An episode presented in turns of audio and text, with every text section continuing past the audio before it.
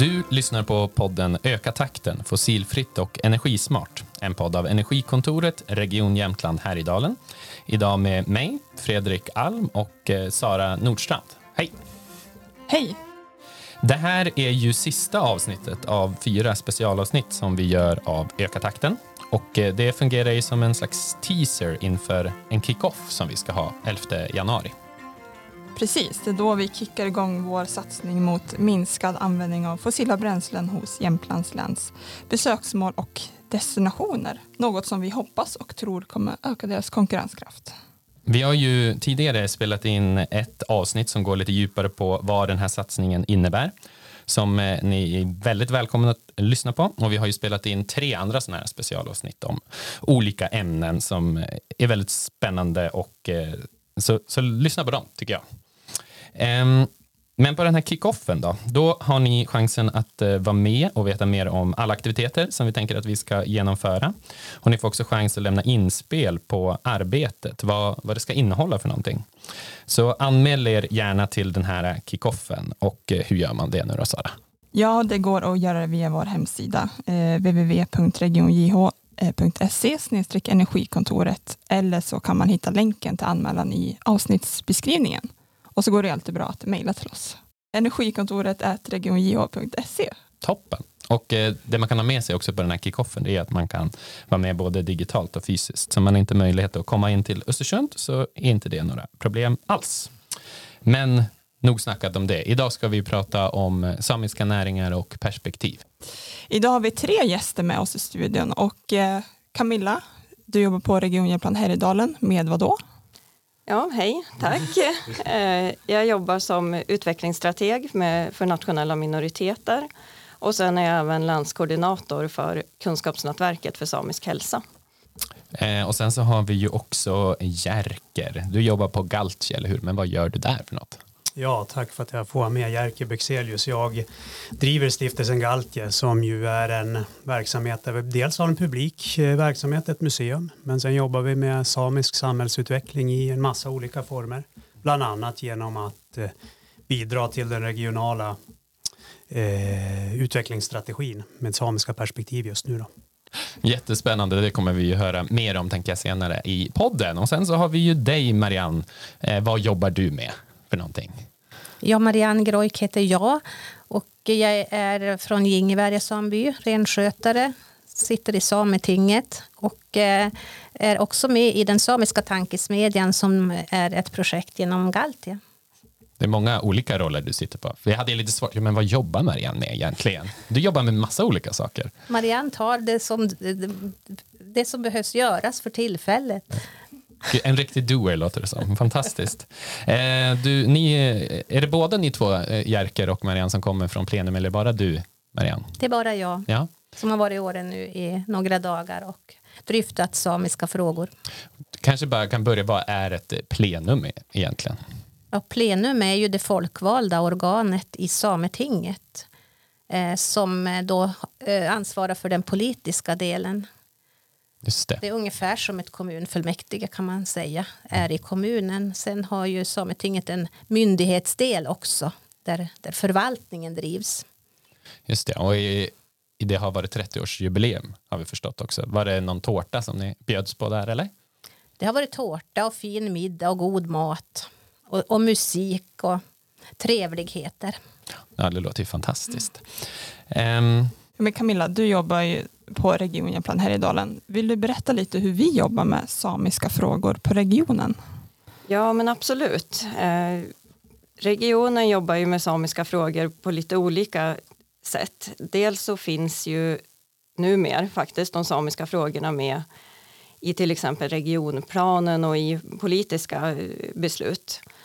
Och det rinner ju också ner då i, i verksamheterna. Så att planen för 2024, för då finns det ett mål som säger att samiska rättigheter ska vara kända och implementeras.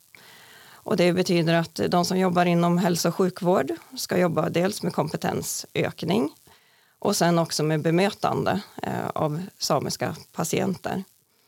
Och till exempel regional utveckling och regionstyrelsen, de kommer också jobba med kompetensutveckling men då kommer de att jobba lite mer mot samiskt inflytande som bland annat har med konsultationsordningen att göra också, som kommer nästa år. Ja, vill du berätta lite mer om den? Vad, vad innebär den? Det är väl från första mars den träder kraft, va? Ja, precis. Första mars så trädde konsultationsordningen i kraft för regioner och kommuner. Den har funnits för andra eh, statliga myndigheter under nästan två år. Ska man säga det väldigt enkelt så betyder konsultationsordningen att om regionen fattar beslut och har ärenden som berör den samiska befolkningen just för att de är samer, då är man skyldig att konsultera. Eh, och det gör man antingen så gör man det med Sametinget eller också kan det vara med samebyar eller samiska organisationer. Och det här är ju ett sätt för att ge ett ökat samiskt inflytande i olika frågor som regionen hanterar. Bara en fråga där. Vad, du säger att vi jobbar med, ja men, vi, vi ska öka kunskapen hos anställda och sådär. Och varför tycker vi, eller varför behövs det? Jag tänker att ni får ju också väga in här Marianne och, och Jerker. Är vi, eh, har vi så liten kunskap liksom generellt om, om det samiska liksom, samhället och sådär? Ja. Ja. ja. ja, det är, så, det är jättedåligt med baskunskap. Alltså redan på faktanivå så är det ganska bedrövligt i det svenska samhället. Sen när man går in på nästa nivå som är, är, är nödvändig för vårdgivare, att man förstår kulturen och koderna och värderingarna, då är det nästan obefintligt med kunskap. Eh, så att eh, det behövs kunskapshöjande åtgärder inom regionen. Och, och, även för beslutsfattare på alla nivåer i, i hela det svenska systemet. Ja. Jerker vill också väga in här. Säger jag. Ja, nej, men jag tänker precis så, så är det ju. Och, och jag tycker ju att vi har ju ofta ett dilemma. Det kommer lagar och så vidare som ska ge en rättigheter och så där. Men om man inte på strategiskt men också på golvnivå har kunskapen om vem som berörs av lagstiftningen och varför den är viktig, då blir den ju egentligen inte värd någonting. Och det visar ju också en eh, studie som Socialstyrelsen gjorde för några år sedan som pekar just på att kunskapsbristen ledde ju till att många såg den här lagen som inte lika viktig som alla andra. Och den där kan vi hantera sen när vi har gjort allting annat som är viktigare. Så det är jätteviktigt att det här kommer ner och genomsyrar alla personer som jobbar med frågorna. Mm. Jag tycker, det, och det var ju lite det vi tänkte också när vi gjorde, ja, vi skrev fram det här projektet och vi tänkte på den här aktiviteten också, liksom, där vi ville lyfta eh, Eh, ja, men det är lite det som ni är inne på, den här grund, grundnivån, liksom, och få upp, eh, få upp den. Och jag ska ju vara den första som erkänner att jag har, känner att jag har inte så bra liksom, kunskap heller. Så att det här känns som ett väldigt bra lärotillfälle för alla och för dem, eller för mig och för de som lyssnar. Um, jag tänker Camilla, där du pratar om konsultationslagen. Um, och sen så har vi ju i, i det här liksom eh, poddavsnittet så vill vi gärna koppla an mot besöksnäringen och liksom, ja, destinationer och sådär. Och då när vi hade ett samtal innan det här poddavsnittet så pratade vi ganska mycket om, ja, men, om den samiska näringen liksom kopplat till det här. Och då, då visade det sig att det var ganska svårt att ens definiera vad, vad det var för någonting. Vill du utveckla lite där? Ja, men det kan jag absolut göra egentligen är det inte speciellt svårt utan de samiska näringarna det är näringar som är kopplade till den samiska kulturen och det samiska språket. Eh, traditionellt och fortfarande eh, så är det ju så att det är många som man lever inte blott och bart på, på renskötsel utan man har flera ben att stå på och det är kopplat på något sätt till renskötseln. Till exempel förädling eller det kan vara slöjd eh, det kan också vara jakt och fiske, eh, mathantverk. Eh, det är väl det som framförallt räknas som de traditionellt samiska näringarna. Sen numera så finns det ju många andra som också räknas som samiska näringar. Design eller inom litteratur och musik. Lite mer moderna näringar om man får säga så. Så att den samiska kulturen och det samiska näringslivet det utvecklas ju på samma sätt som allt annat näringsliv. Hur stor del är liksom kopplat till turismen? Eh, tittar man här i regionen så är det ju inte speciellt många företagare, samiska turistföretagare. Sen kan man ju se det på ett annat sätt. Eh, en stor del av eh, renköttet till exempel som produceras går ju till eh, hotell och konferensanläggningar eftersom det här är ju någonting som turisterna efterfrågar. Är man norrut och på samiskt område så vill man ju gärna smaka eh, renprodukter. Så att det finns en koppling men det är inte speciellt många samiska turistföretagare här. Hur tror du den delen kan utvecklas då? Det finns ju jättestora möjligheter att utveckla turismen eftersom det här länet är ju ett, ett besökslän. Turismen är ju jättestor. Så att det finns stora möjligheter att, att utveckla det. Dels för att då kan man äga frågan själv och ta chansen och utbilda besökarna som kommer i hur man ska bete sig till exempel när man är i fjället. Sen det som är allra viktigast när vi pratar om det, det är ju att de samiska företagarna själv får äga den frågan eh, och ha den makten över att bestämma över sitt eget företagande och sin egen verksamhet i sådana fall. Jerker, har du något att tillägga i frågan? Ja, mycket. Eh, för ett par månader sedan så kom, jag tror det var Visita med en rapport om kulturturismens eh, potential i Sverige. Och jag fick frågan om det kopplat till det samiska. Och jag brukar säga så här, jo men det är självklart, vi har ju världens potential utifrån att vi har en unik kultur, unika kunskaper, unika resurser för att utveckla den typen av verksamhet. Och det finns också en efterfrågan på det. Men det är inte så enkelt som att säga då att vi borde göra det därför att det finns ju en massa andra eh, strukturer och inställningar till det här som, som man också måste liksom ge utrymme för. Jag tror personligen att fler samer procentuellt håller på med en, någon typ av besöksnäring än vad som sker i övriga samhället. Och jag tror att fler samer håller på med det än vad man kanske ser i, för statistiken säger ju inte så mycket om det. Det är många som tar med jaktgäster ibland. Det är många som tar emot gäster på sin, sin gård och visar renar. Så det pågår, men däremot så kanske man inte ser sig själv som en eh, besöksnäringsverksamhet och därför inte heller tänker i de banorna. Just det, är liksom företagsstrukturen, är man liksom mångsysslare som, eh, som same, så att man sysslar med en massa olika grejer, så därför kanske man inte identifierar sig som liksom en sak. Jag sysslar bara med besöksnäring. Så, så kan det säkert vara, tänker jag. Mm. Eh, men jag tror, ja, och det här är förstås individuellt hur man ser på det mycket. Vi kan mm. fråga Marianne som, som ju, jag vet, ibland har gäster hos sig. Ja, och, och jag tror att eh, eh många som är, eh, har ingen ambition att identifiera sig som eh, eh, företagare i besöksnäringen utan man identifierar sig som kanske som renskötare eller någonting annat man arbetar med. Man har renar eller man kanske har renköttsföretag och allting men ändå så, så, så, så precis som Jerker säger så blir man eh, eh företagare i man, man, tar emot grupper och, och man riggar olika arrangemang och deltar på det sättet. Och, och, då, då är man också friare om man nu har en fot i renskötseln till exempel som styrs av väder och vind och en massa andra saker och årstidsaktiviteter eh, som då går före. Och då vill man bara ta vissa arrangemang emellanåt så att man inte har bundit upp sig eh, på heltid så att säga. Och, och sen är det någon identitetsfråga. Tror jag mycket.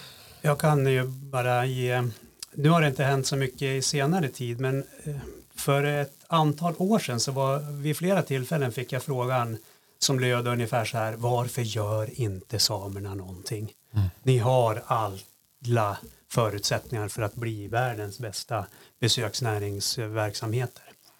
Eh, men det handlar ju om på individnivå, det är inte alla som vill vara, hålla på med besöksnäring.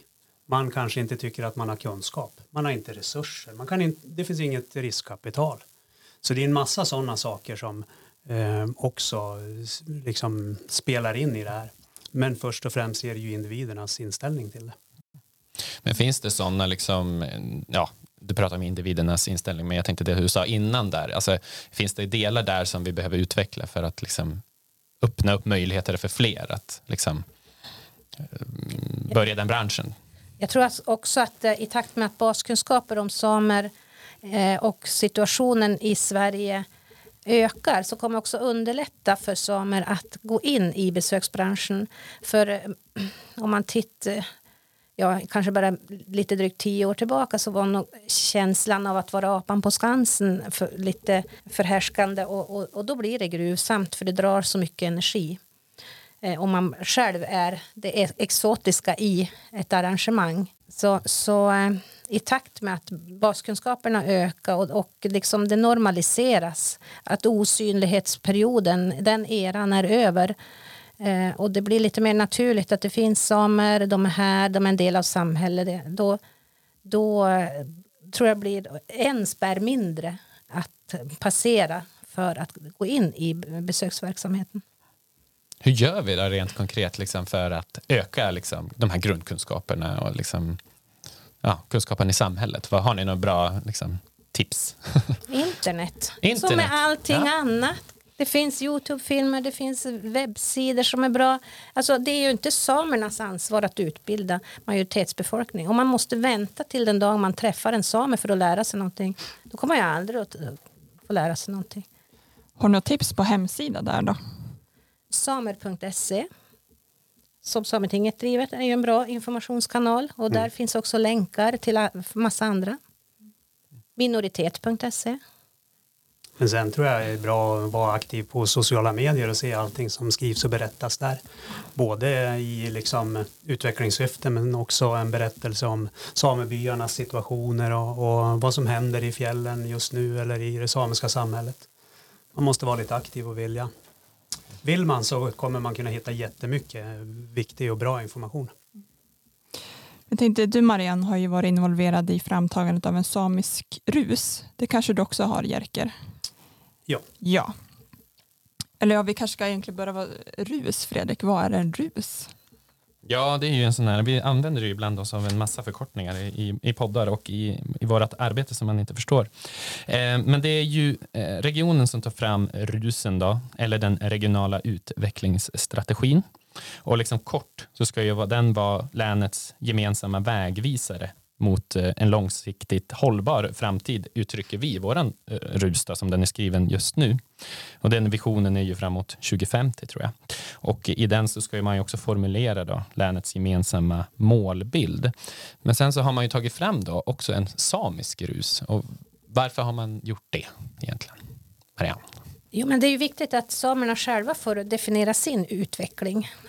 Alltså det man själv ser som utveckling. För att jag, jag eh, tror inte att vi har samma definition på utveckling. Bara där. Eh, och sen så får beskriva eh, både nuläget och utgångsläget och vart man vill med egna ord. Eh, det har ju att göra med eh, att man även får göra sin röst hörd i frågor som berör och då krävs det ju att man även har en utgångspunkt och en en, ett, en målbild som är gemensam så att man förstår varandras eh, målbild. Så innehåller liksom konkreta mål eller är det mer en vision eller vad, vad innehåller den mer liksom konkret så? Både och lite. Ja, jag kan ju hoppa in där. Mm. Alltså det här är ju ett, egentligen ett eh, arbete som har pågått sedan flera år tillbaka i tiden och som kommer att pågå flera år framåt. Många år skulle jag vilja påstå bakgrunden för att komma in i det här är att jag och Marianne bland annat jobbade med när regionen gjorde för fem år sedan kanske en revidering av den då liggande regionala utvecklingsstrategin. Och vi tittar på den med samiska ögon och konstaterade ganska krasst att det här är i princip kontraproduktivt mot samiska intressen. Och det är det också vi ser i samhället idag att eh, det kommer kritik. Jag kan få ta emot kritik för att men varför måste ni stoppa upp all, all positiv utveckling? Vi har med oss 10 000 tyska cyklister hit som bara väntar att få komma ut i fjällvärlden. Varför, varför säger ni nej? Och det är ju just det som är problemet att den här utvecklingen har skett utan att man har haft en dialog med samiska intressen. Och vi blir överrumplade. Och den kommer från en regional strategi som har legat där och bestämt att det är det här vi ska satsa på. När vi har två folk i Sverige och när vi, har, eh, när vi är en eh, förvaltningsregion då måste man ta mycket mer hänsyn till det där. Så att med den bakgrunden så är det jätteviktigt att vi får jobba med det här och vi har gjort det nu i ett första steg i ett och ett halvt år där jag och Marianne bland annat med flera träffades och diskuterade vad tycker vi om det här. Vi gillar inte ordet utveckling så som det definieras av alla andra. Jag var med på ett möte en gång i en stor sal där utveckling var det gemensamma begreppet och alla verkade halleluja-stämning. Wow, utveckling det är bra, det kan vi inte ifrågasätta och alla visste exakt vad det betydde. Men det tror inte jag att vi tycker. Vi har ett helt annat perspektiv på det där ordet. Vad är ert perspektiv på ordet då? Ja, det måste vi återkomma till för det är en diskussion som pågår hela tiden. Dessutom så har vi liksom andra förhållanden till eh, hållbarhetsbegrepp och så vidare.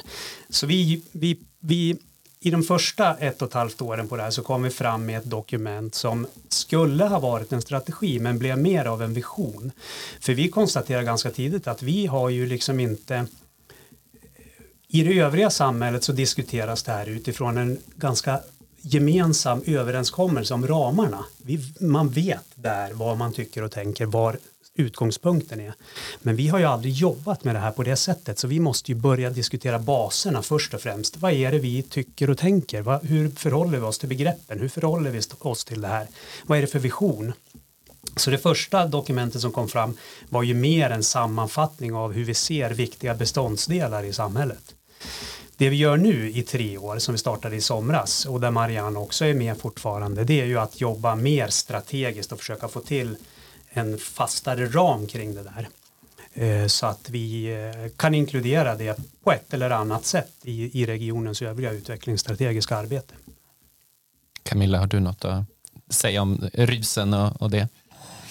Ja, men det jag ser framför mig när den här nya är klar och lite grann hur, man, hur regionen använder den befintliga visionen så är ju det ett jättebra sätt att få in det samiska perspektivet i regionens arbete. Sen måste ju det samiska perspektivet självklart finnas med i regionens egna strategier och egna dokument. Eh, det kan ju inte bara vara ett sidodokument utan det här är ju en första början och eh, ett sätt för regionen att lära sig mer och kunna använda sig av det dokumentet som ett stöd i sina egna dokument till exempel. Så att det här är ett jätteviktigt arbete som, som pågår. Upplever liksom ni att dialogen har blivit bättre med, med åren? Så, kopplat till, till, till de här frågorna så med, med regionen? Och... Jo, jo, men det kan man ju säga. att eh, vissa säger, Dialogtillfällena ökar ju. Och det är ju klart eftersom de var väldigt på låg nivå tidigare också. Sen, sen är det ju viktigt att man då håller takten så att man får upp eh, kvaliteten på dialogen och det ska ju närma sig en, en, en bra, ett, ett, bra innehåll också. Och, och, det är ju samma där att eh, det måste ju få utvecklas en, en eh, tradition, in, en förvaltningstradition även i regionen att eh, beakta samiska perspektiv i sina frågor. Och, i den utvecklingskurvan är vi väl nu. Och, och, och samerna står och, och trampar på och kanske vill ha mer bråttom i den processen. Men eh, en, en sån här eh, en vårdinrättning, om man får säga det lite slarvigt, som om regionens verksamhet. Det, det är ju ingen snabb, snabbstyrd skuta. Sådana här processer tar tid. Så det, det sker ju en utveckling även inom regionen. Jag upplever ju att regionen är på tå. Jag tycker att eh, det har blivit ett annat förhållningssätt. Vi får ofta frågor eh, när man håller på med olika utvecklingsprojekt eller sådär. Eh, så det är jättebra upplever jag. Men samtidigt så känner jag att vi hela tiden, vi får inte tappa greppet om armen. Därför att det är ganska lätt att falla tillbaks också för regionen i gamla banor. Man glömmer bort samiska intressen i vissa sammanhang. Och vi måste vara på där hela tiden och verkligen trycka på det. Och jag tänker konkret i den här processen så är det ju även om vi har presenterat dokumenten så måste det här bli någon sorts politiska beslut och verkligen komma in fullt ut i det här så att det finns någonting att falla tillbaka på också. Eh, så att det finns en del jobb att göra definitivt. Eh, men jag tänker också att våran tankeverkstad i de här kommande två och ett halvt åren som är kvar nu kommer att vara en igel på dem i det och eh, fortsätta jobba stenhårt med det. Men det är ju inte bara vi som ska göra det här, det är ju hela samiska samhället ska ju till och se till och, och, och trycka på. Ni är så artiga här i studion, står och vinkar, begär ordet. Camilla, du stod och vinkade också. Jo, men det jag tänker på med regionens arbete är ju att viljan finns absolut. Sen är det ju det här med kompetensen. Jag möter ju många gånger frågor som ja, men hur vet vi att det här ens berör samerna och om vi, om vi behöver rådfråga någon, hur vet vi vem vi ska vända oss till? Man är lite handfallen. Eh, så att viljan finns. Det, det tycker jag att jag känner i, i hela regionen, både inom eh, hälso och sjukvården och regional utveckling. Men man vet inte riktigt vad man ska göra. Eh, och det är ju där det är viktigt att man får kompetens och att det finns olika stöd eh, för regionens personal och beslutsfattare och politiker. Så att man kommer vidare och faktiskt kan göra verkstad av det också och inte bara ha en vilja.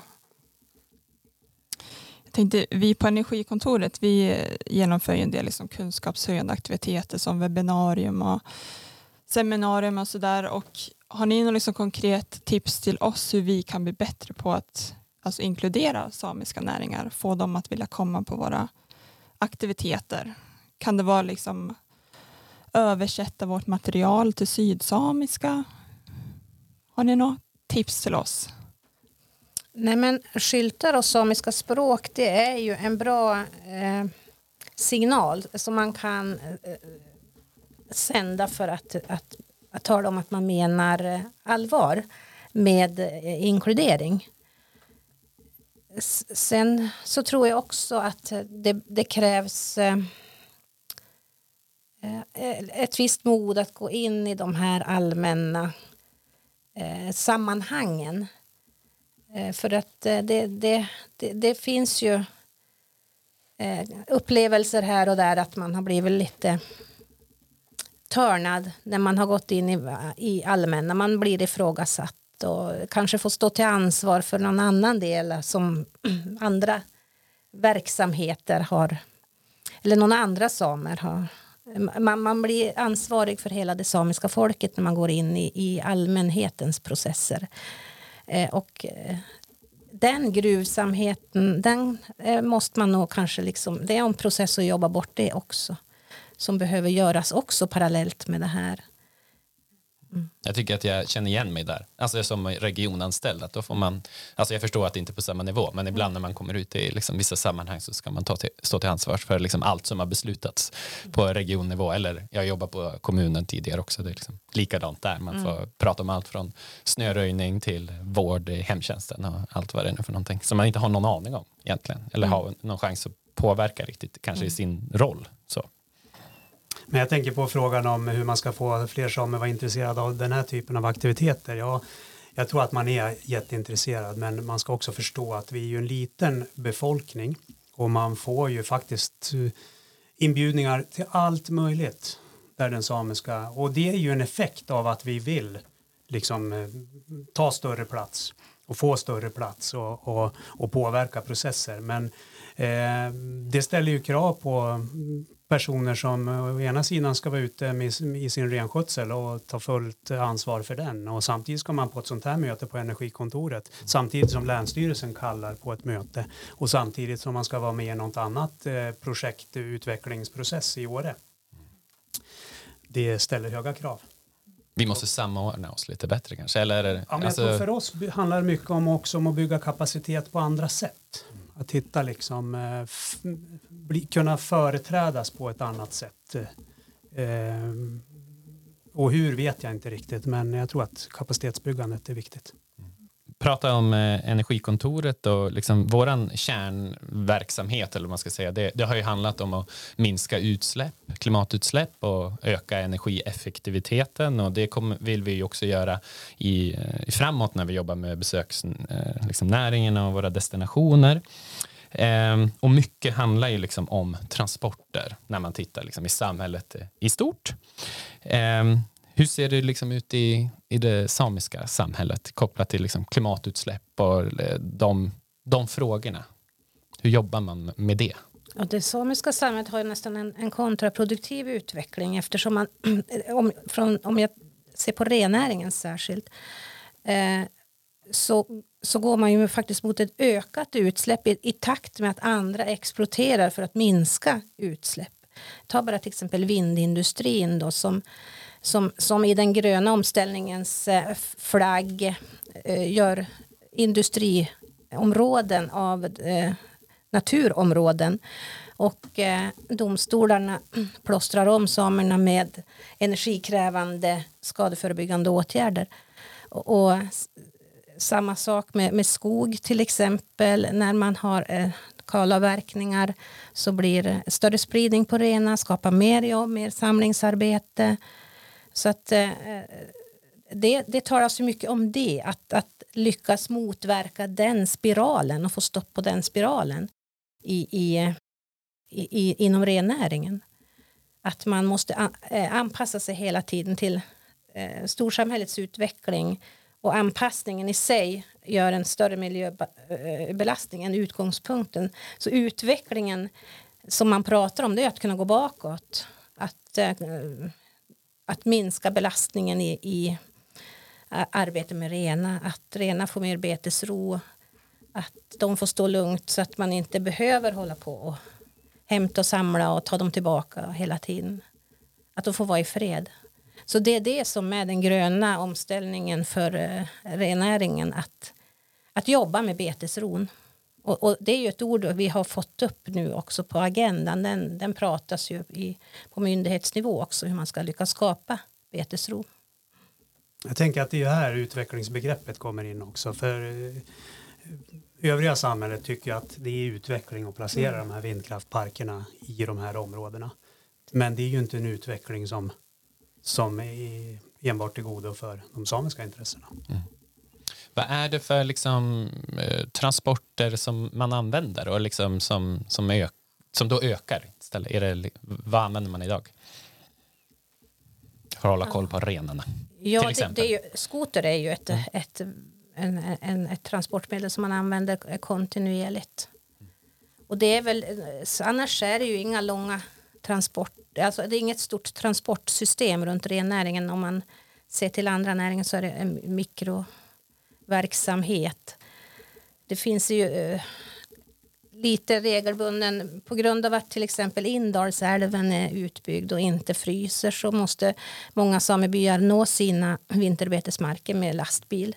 Man kan inte flytta traditionellt. Och det är ju fler reglerade vattendrag som stänger flyttleder, eh, tåg, trafiken. Man pratar om utbyggnaden av in, eh, eh, Inlandsbanan som ett utvecklingsprojekt och den Inlandsbanan mellan eh, Mora och Gällivare passeras 54 flyttleder för renar. Eh, så en sånt utvecklingsscenario som då beskrivs som en grön eh, utveckling för storsamhället den skulle då medföra motsatsen för rennäringen. Så att eh, egna transporter är det ju inte så mycket det är skotern då.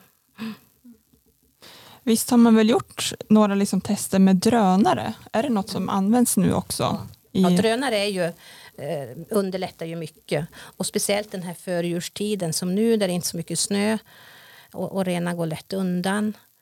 Och, och, och, man inte behöver ha sån precision på, på renflyttningar. Direkt man kom in i exakt procession när man ska hitta in i ett, ett rengärde med en flock eller så då, då, behöver, då, kan man, då funkar det inte med drönare. Men, eh, och på kalfjäll. Och, jo, drönarutvecklingen kommer stort i rennäringen. Jag förstår att det kanske kan vara lite som att sätta liksom ett, ett plåster på eh, såren eller vad ska jag säga på, ja, när, när det du beskriver liksom, det, det är så mycket större.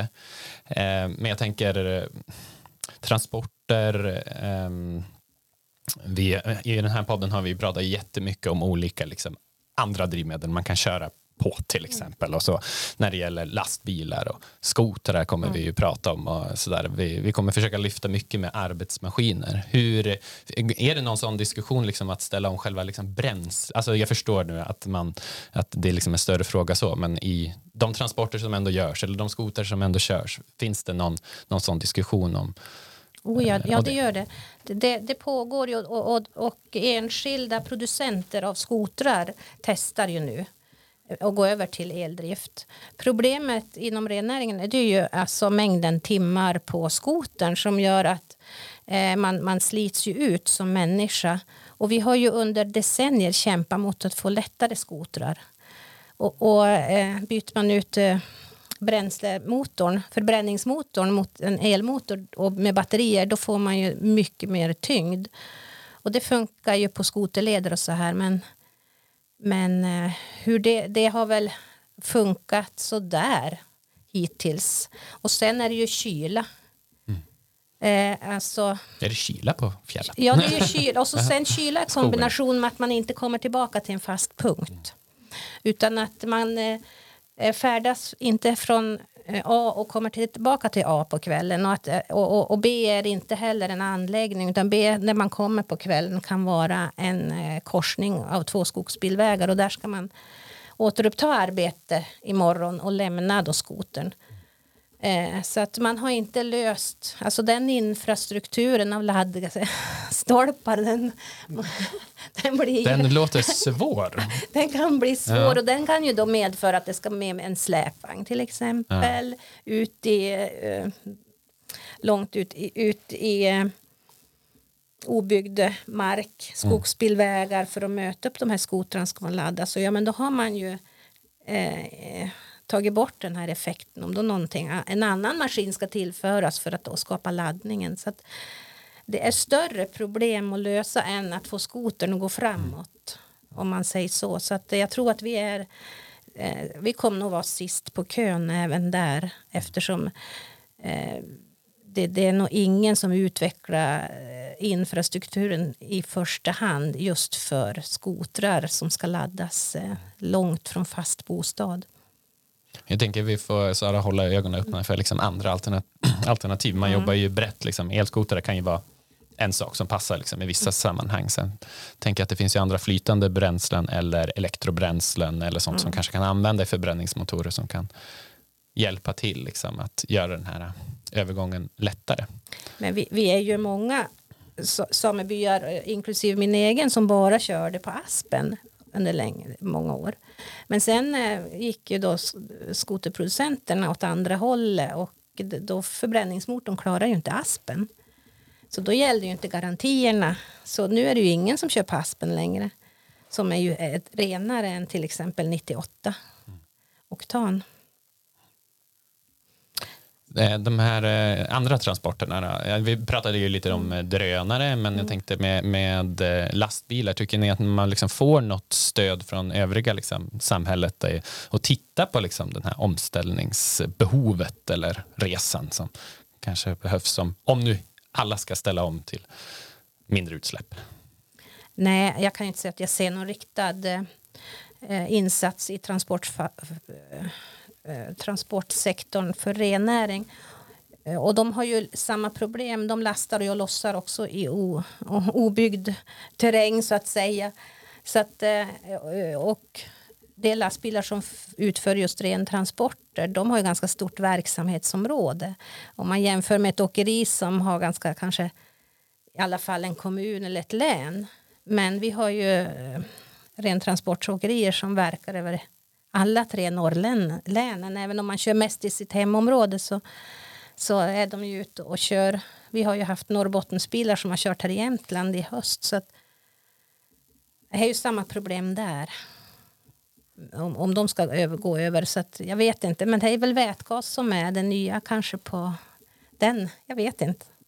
Nej, men jag har funderat nu sista veckan sen jag såg det här frågesättet och tänkt men vad har vi för transporter? Vad är det? Ja, det är ju skotern.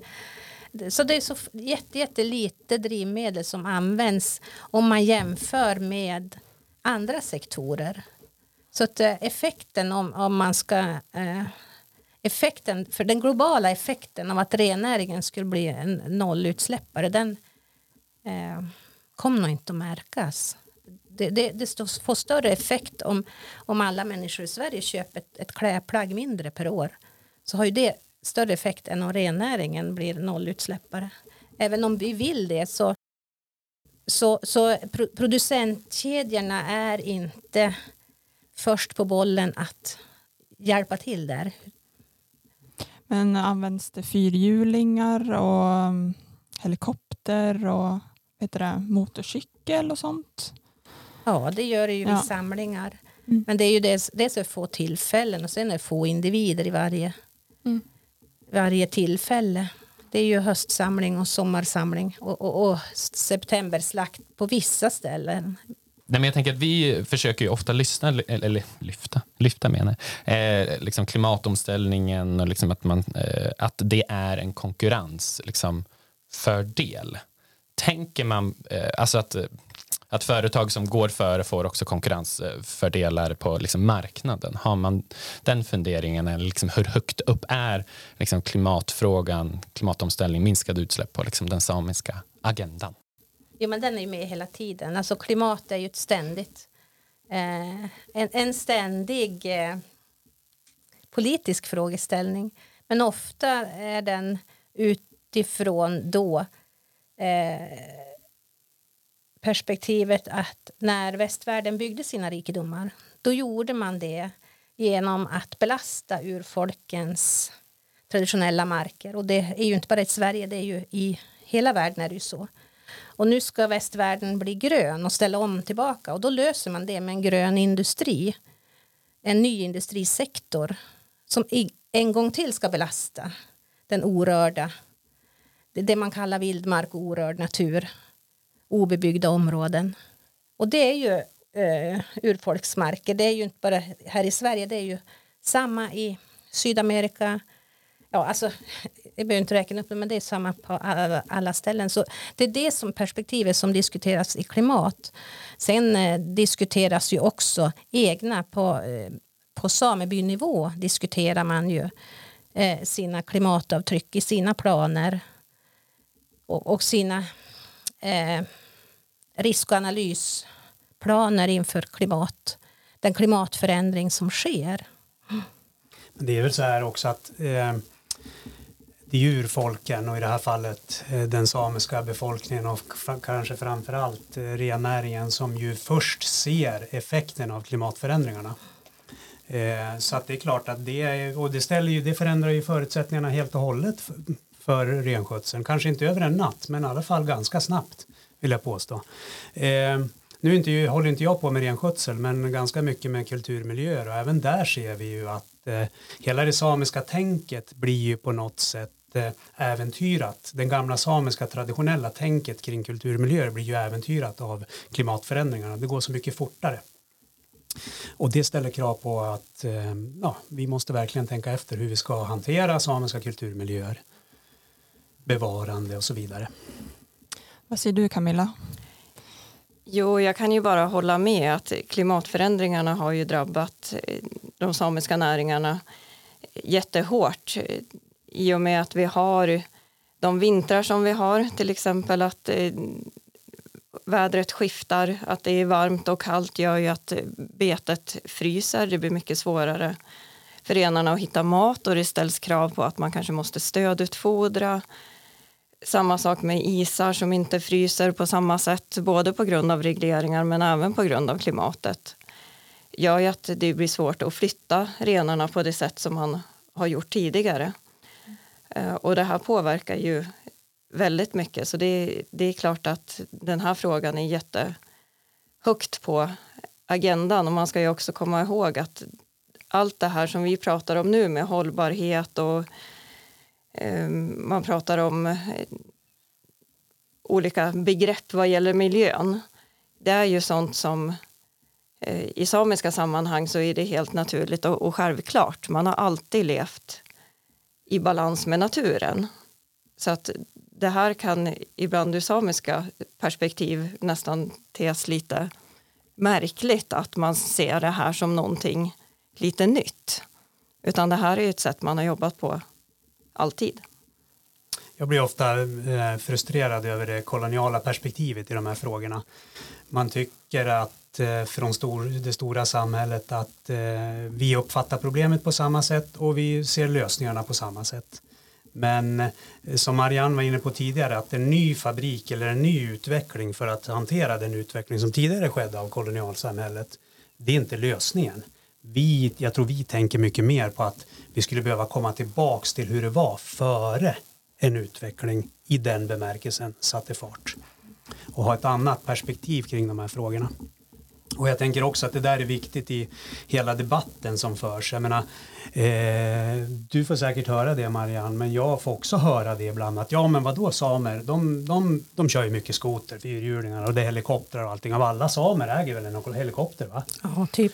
Eh, och ni flyger hit och dit och så vidare. Men det är ju bara en effekt av att, som har kommit till för att man har tvungen att hantera en annan utveckling hade ni ställt frågan till Marianne innan den här utvecklingen kom igång så är jag helt övertygad om att du hade sagt att du vill att det här skulle ha skett på ett annat sätt. Ja men absolut. Jag tycker att eh, vi börjar... Vi, eh, jag pratade faktiskt på ett seminarium här på Storsjöteatern för kanske tio år sedan där jag ifrågasatte elanvändning överhuvudtaget. Varför förs inte den diskussionen? Alltså, är det rimligt att vi ska torka håret med elström? Nej, det är inte rimligt. Håret torkar om du bara låter vara efter duschen. Alltså, det är det tänket vi måste efterlysa hos var människa. Eh, att allt ska inte lösas med en ny grej, en ny industri, en ny produktion. Utan vi, var, vi måste tänka på ett förhållningssätt som håller. Vi behöver lära mer av vår historia. Absolut. Absolut. Vad är det som är viktigt egentligen? Och den här heta frågan, vad kör du för bil? Kör den bensin, diesel eller el? Och det man tycker allmänt att ja, men eh, det enda korrekta svaret är el. Men frågan skulle egentligen vara, kör du bil överhuvudtaget? Nej, jag struntar i det. Jag går. Ja, nej, det här är ju alltså superintressanta liksom, reflektioner och så. Och på, vi på Energikontoret, det kan ju låta ibland som att vi bara jobbar med att liksom, man, ska, man ska ersätta det befintliga med liksom, en ny teknik eller sådär. Men eh, vi, vill, eller vi jobbar jättemycket med liksom att försöka skapa beteendeförändringar också. Eh, har jättemycket så mobilitetsprojekt och det, eller mobilitetsinsatser och det kommer vi också ha i den här eh, satsningen så att eh, få folk faktiskt att resa eh, vad ska man säga på ett annat sätt som eh, alltså transporteffektivare kan man väl kalla det ibland. Kanske ta skidorna istället för bilen eller cykeln eller sådär vad det nu kan vara för någonting. Ja, kan man inte stanna lite längre på den, en resa istället för att göra två? Mm. Och låta det ta lite längre liv innan man har varit överallt. Och måste man vara överallt? Det, det är sådana frågor som jag tycker borde vara viktiga på agendan. Mm. Verkligen. Ja. Hur, eh, jag tänker vi ska väl försöka avrunda också mm. Sara. Eh, men jag tänker att man, det här känns som att man kan prata om hur, hur länge som helst och det känns frågor som att vi har missat men vi får väl ta upp det här ämnet igen tänker jag och liksom lära oss ännu mer. Men det här att vi faktiskt har liksom en, eh, ett samiskt liksom samhälle i, våran, i vårat län och liksom i Sverige. Hur kan vi liksom, nu låter det jättefel, nyttja det. Nej, men alltså så här, hur kan vi använda det för att ännu mer liksom öka eh, attraktionskraften eh, i, i länet eller för turismen eller vad det nu kan vara för någonting. Om man tänker sig att vi kommer ändå kunna göra det här på ett någorlunda hållbart sätt. Jag brukar säga att här ska man ju vara superstolt över att det finns en helt världsunik urfolkskultur. Europas enda. Precis, med ett helt världsunikt språk, helt världsunika traditioner och så vidare. Använd det som en utgångspunkt, men sen följer det ju en massa frågor efter där. Det betyder ju inte att övriga samhället ska exploatera det här utan då ska man göra det på ett respektfullt sätt och på bjuda in det på ett likvärdigt och jämbördigt sätt. Och samer ska själva få kunna ta hand om sin utveckling och sina, sina ambitioner och visioner. det, det sista är det allra viktigaste, att man låter det samiska näringslivet utvecklas eh, och i den riktning man själv önskar och i den takt man eh, själv önskar. Eh, då, eh, och, och låter man den eh, blomman få utvecklas i fred så blommar den ju. Vad fint sagt. Har du något där Camilla att till, tillägga? Det var en sån himla fin eh, avslutning på det men just det här att man måste göra det med respekt och att man ska ju också komma ihåg att de fjäll som vi marknadsför Jämtland Härjedalen med, de skulle ju faktiskt inte se ut som de gör och vara så attraktiva om det inte vore för att renarna har, har betat här i tusentals år. Eh, då skulle vi inte ha några kalfjäll. Så att det är viktigt att komma ihåg att de samiska näringarna är ett viktigt bidrag till regionen men också att man verkligen behandlar det med respekt och inte försöker göra det här till en kommersiell produkt utan att det, det ska vara respektfullt och genuint. Vi brukar ibland avsluta våra samtal med att fråga våra gäster om, de, om det är någon viktig fråga vi har missat att ta upp. Så jag tänker vi kan väl köra laget runt. Marianne, är det någon fråga du tycker vi har missat? Nej, jag kommer inte på så här någonting. Det, Nej. Jag vill bara betona det som vi har varit inne på här att eh, vi måste ställa andra frågor. Vi ska inte fråga vad den nya tekniken är utan vi ska fråga om vi verkligen har ett behov av att, av att liksom fortsätta. Camilla? Ja, jag tänker väl att i hela det här hållbarhetsarbetet som nu pågår i Sverige så ska man komma ihåg att man har otroligt mycket att lära från urfolken. Så att man bör värdera traditionell kunskap och samisk kunskap mycket högre än vad man gör idag. Det är sant. Eh, den samiska traditionella kunskapen är ju inte efterfrågad. Och när den kommer så, eh, så vill man ofta vidimera den med vetenskaplig, eh, ett vetenskapligt belägg av något slag. Och, och där tror jag ju att man bör slappna av lite grann och lita mer på den traditionella kunskapen. Men då får vi tacka så mycket för att ni gästade oss idag eh, och tack för ett väldigt bra samtal. Tack. Tack till alla ni som har lyssnat idag och har ni synpunkter och frågor så skickar ni in dem till energikontoret regionjh.se. Och det här avsnittet har finansierats av EUs regionalfond och Region Jämtland Härjedalen. Tack till dig också Sara och eh, på återhörande till våra lyssnare. Ja, och tack till dig Fredrik.